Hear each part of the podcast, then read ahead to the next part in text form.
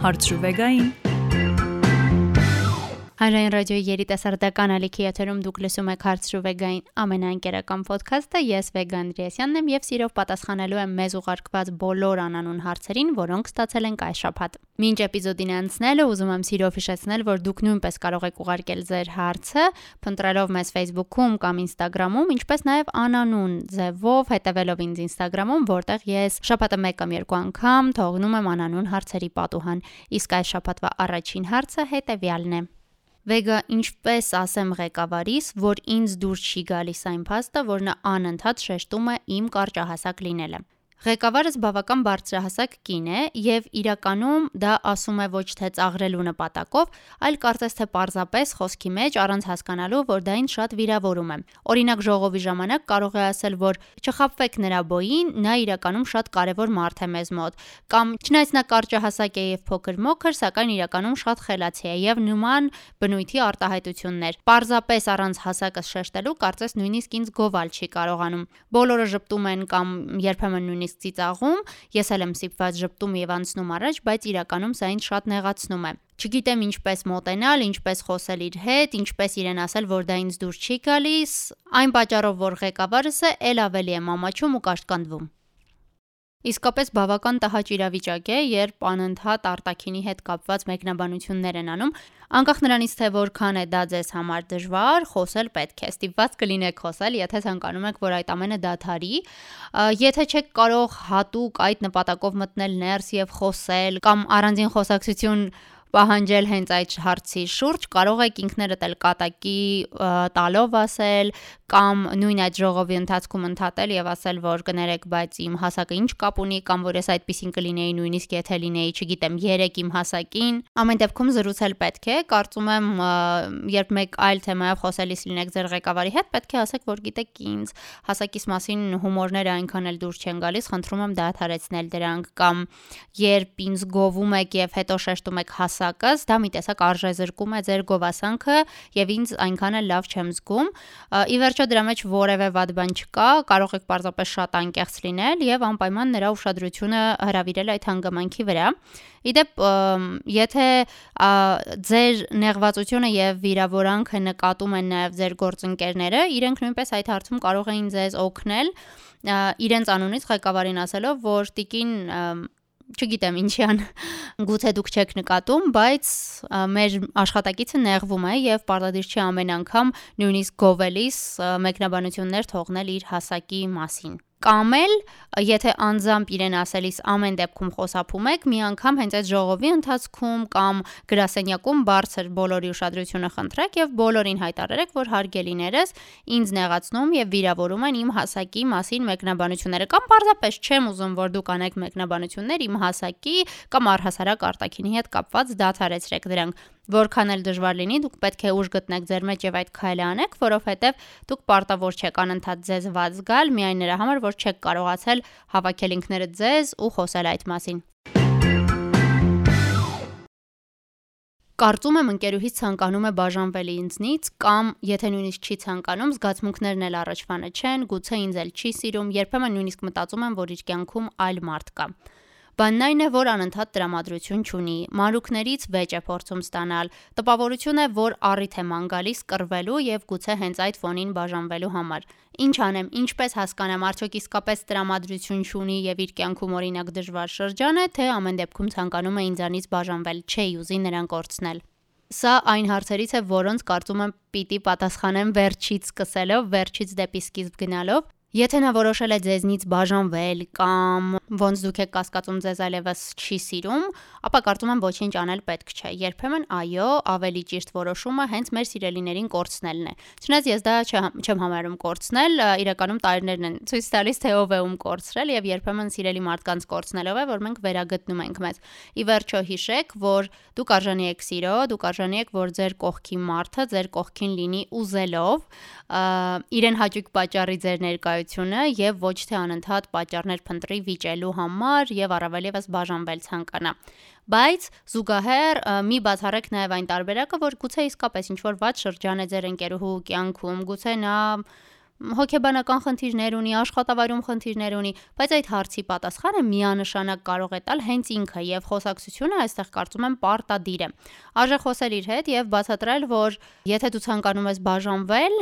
Ես դրա համար քեզնից չեմ նեղանալու։ Պարզ է, որ ցավ եմ ապրելու, գուցե նաև նեղանակ իրականում, բայց հաստատ դուք եք հասկանում, որ ավելի լավ է արվարտել հարաբերությունները, քան շարունակել դրանք մի մարդու հետ, ով չի ցանկանում լինել այդ հարաբերությունների մեջ։ Հետևաբար խոսեք նրա հետ, գուցե իրականում պարզապես ինչ որ բանից նեղացած է եւ երբ խոսեք, խոստովանի, ասի թե որն է պատճառը, գուցե ինչ որ բան սխալ է կարել, գուցե ինչ որ բան նեղացրել է իրեն եւ համապատասխան քայլեր ձեռնարկելուց հետո ձեր հարաբերությունները կարգավորվեն։ Գուցե նա ունի դաթարի կարիք, գուցե ունի մտորումներ, արդյունքում նեղվում է, աման, չգիտի ինչպես ձեզ ասել, որ այդ դաթարի կարիքը ունի։ Ամեն դեպքում խոսեք իրեն, բացատրեք, որ իրեն ոչ մեկ ստիպողաբար չի պահում այդ հարաբերությունների մեջ եւ որ եթե ինքը ցանկանում է նման որոշում կայացնել,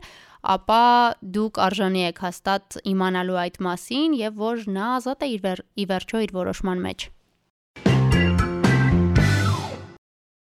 Այլևս չեմ դիմանում իմ մոտ ընկերուհու նեգատիվին։ Ես իրեն իսկապես շատ եմ սիրում։ Արդեն մի քանի տարի է ընկերներ ենք։ Նա միշտ էլ հիմնականում սիրել է խոսել միայն իր մասին ու առանձնապես չի հետաքրքրվում ընկերախմբի մնացած անդամների խնդիրներով, հարաբերություններով եւ այլն, բայց վերջին շրջանում ամեն ինչ անտանելի է դարձել, քանի որ առավոտից երեկո բողոքում է։ Բողոքում է սեփական կյանքից, համարում է, որ դժբախտ է, ամեն գրելիս ասում է, որ դեպրեսիայի մեջ է եւ այլն եւ այլն։ Բնականաբար ես ցանկացել եմ իր կողքին լինել,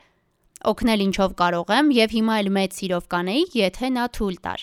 Բանն այն է, որ մի կողմից գրում է, որ իրեն վատ է զգում, որ այսինչը լավ չէ, այնինչը լավ չէ, այս հարցում խնդիր կա, այն հարցում խնդիր կա, բայց միաժամանակ ոչ մի կերպ չի թողում լուծում առաջարկել։ Երբ որևէ լուծում առաջարկում է, միանգամից մերժում է, միանգամից հենց դրա մեջ էլ է վատ պատճառներ տեսնում, տպավորություն է, որ նա պարզապես ցանկանում է բողոքել, դժգոհել եւ ակնկալում է, որ ես էլ շարունակ պետք է դա լսեմ իրականում պատրաստ էի լսել եւ որոշել էի, որ ոչինչ չեմ ձեռնարկի, պարզապես կլսեմ իր դժգոհությունները, բայց այդ նեգատիվի քանակին այլևս չեմ դիմանում, հասկանում եմ, որ սկսում է վատ ազդեցություն ունենալ նաեւ իմ հոգեբանական վիճակի վրա։ Ինչ անեմ, ինչպես ասեմ իրեն կամ արդյոք ինչ որ բան պետք է ասել այն մասին, որ ինքը շատ նեգատիվ է դարձել եւ որ իմ կարծիքով ինքն է բարթացնում իր սեփական կյանքը։ Այն մասին, որ ինքն է բարթացնում իր սեփական կյանքը, ասել պետք չէ կարծում եմ, որովհետև իսկապես կարող է դեպրեսիայի մեջ լինել, իսկ այդ դեպքում նման արտահայտություններ անել չարժե, բայց մյուս կողմից էլ այո դուք հոգեբան չեք եւ եթե իրավիճակը արդեն սկսում է ազդել հենց ձեր հոգեվիճակի եւ ներաշխարի վրա, ապա խոսել պետք է եւ իրականում լավ ընկեր լինելը միշտ չի որ նշանակում է, որ մենք ստիպված ենք ամեն ինչ մեր վրա վերցնել։ Եթե դուք հասկանում եք, որ ձեր ընկերը ունի մասնագետի կարիք, իսկ ես կարծում եմ ունի, ապա իրեն այդ մասին հայտնել պետք է։ Նախ նույնիսկ այն դեպքերում, եթե, չգիտեմ, զանգի ընթացքում կամ հանդիպման ընթացքում գրելիս նա շարունակում է բողոքել եւ ինչպես դուք եք ասում նեգատիվ է, փորձեք այսպես անտեսանելի պաշտպանական պատ, հա, ստեղծել ձեր երկուսի միջև, չգիտեմ, թույլատրեք միտքը, փորձեք ամեն ինչ լսել մի քիչ ավելի իմիջայլոց, այսինքն որ նա խոսի ու թեթևանա, սակայն դուք այդ ամեն ինչը շատ չվերցնեք եւ ձեր ներսում չպահեք այդ նեգատիվը։ Բացի դրանից ես խորհուրդ կտայի իր հետ խոսել ու ասել, որ Հարգելի, շատ սիրելի ընկերուհի, ես իհարկե պատրաստ եմ քեզ օգնել, լսել, պատրաստ եմ օգնել բոլոր այն հարցերում, որտեղ կարող եմ, պատրաստ եմ օգնել գտնել լուծումներ, բայց հոգեբան լինել քեզ համար չեմ կարող, որովհետև ինքս էլ ունեմ խնդիրներ, ինքս էլ ունեմ մտահոգություններ ու մտավախություններ, եւ երբեմն չեմ կարողանում դիմանալ քո պատմությունների ծանրությանը, այսպես ասած, եւ կարծում եմ, որ քեզ ավելի լավ կօգնի հոգեբանը, ավելի լավ կօգնի մասնագետը, եւ որ երկուսիս տեսանկյունից էլ ավելի ճիշտ է, որ դու դու դիմես հոգեբանի։ Եթե նա իսկապես ձեր ընկերուհին է, գուցե դե մի քիչ նեղանա, սկզբում չհասկանա, բայց կարծում եմ ավելի խորը մտածելու դեպքում կհասկանա, որ դուք ճիշտ եք եւ իր կողմից էլ այնքան արդար չէ ձեր նկատմամբ անընդհատ միայն բողոքելը եւ մերժելը ձեր օգնության կամ լուծումների բոլոր տարբերակները։ Հետևաբար անպայման խոսեք իր հետ եւ արեք ամեն ինչ, որպիսի հասկանա, որ դուք իր ընկերն եք եւ ոչ թե հոգեբանը։ Վեգա համ շատ ուրախ եմ, համ շատ մտահոգված ու լարված։ Նոր աշխատանքի եմ ընդունվել եւ մյուս ամսվա սկզբից արդեն լինելու եմ նոր աշխատավայրում։ Շատ ուրախ եմ, որովհետև չնայած նրան, որ համալսարանս նոր եմ ավարտել, կարելի ասել, որ իմ երազանքների գործն եմ գտել կամ դրան շատ մոտ մի բան։ Այն մտքից, որ ստիպված եմ լինելու ծանոթանալ այդքան շատ մարդկանց հետ, ամբողջ օրը իրենց հետ եմ անցկացնելու, ահա որ վախենում եմ, որ ինձ հանկարծ չեն սիրի, որ ինձ կքննադատեն կամ կծաղրեն արտակինիս համար, կամ չեն ցանկանա ինձ հետ շփվել, որովհետև օրինակ արտակինս իրենց դուր չի գա։ Ինչ անեմ։ Ինչպես հաղթահարեմ լարվածությունս։ Կարծում եմ առաջին բանը, որ պիտի հիշեք, դա այն է, որ աշխատավայրերում նորմալ աշխատավայրերում գոնե նախ եւ առաջ ուշադրություն են դարձնում աշխատելու ունակությանը, խելքին, հմտություններին եւ հետո նոր միայն արտակինին, եթե նույնիսկ առհասարակ դարձնում են ուշադրություն։ Հետեւաբար արտակինի վրա առհասարակ մի կենտրոնացեք եւ եթե լինեն այնպիսի մարդիկ, որոնք պետք է ձեզ նկատմամբ վատ տրամադրվեն միայն նրա համար, որ իրենց դուր չի գալիս ինչ որ բան ձեր արտակինի մեջ, ապա կարծում եմ նման մարդկանց կարծիքը ձեր առհասարակ չպետք է հետաքրքրի։ Բացի դրանից նշեցիք այդքան շատ մարդկանց հետ պիտի ծանոթանամ։ Եթե այնպիսի գրասենյակում եք աշխատելու, որտեղ այդքան շատ մարդ է աշխատում,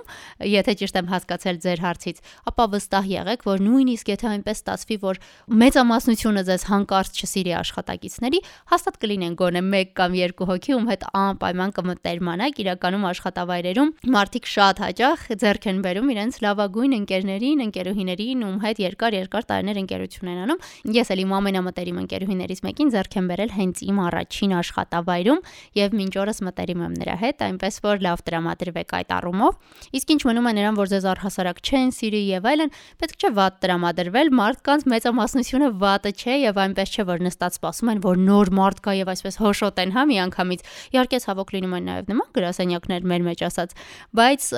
եթե այնպիսի աշխատանք է, այնպիսի տեղում եք աշխատելու, որ դրա մասին երազում եք, վստահ եմ, որ այնտեղ հավաքված կլինեն լավ մարդիկ եւ հակառակը, հաշվի առնելով հատկապես ձեր նոր ավարտած լինելը եւ ոլորտ նոր մուտքը ինձ թվում է եւ հուսով եմ ու նաեւ մի քիչ համոզված որ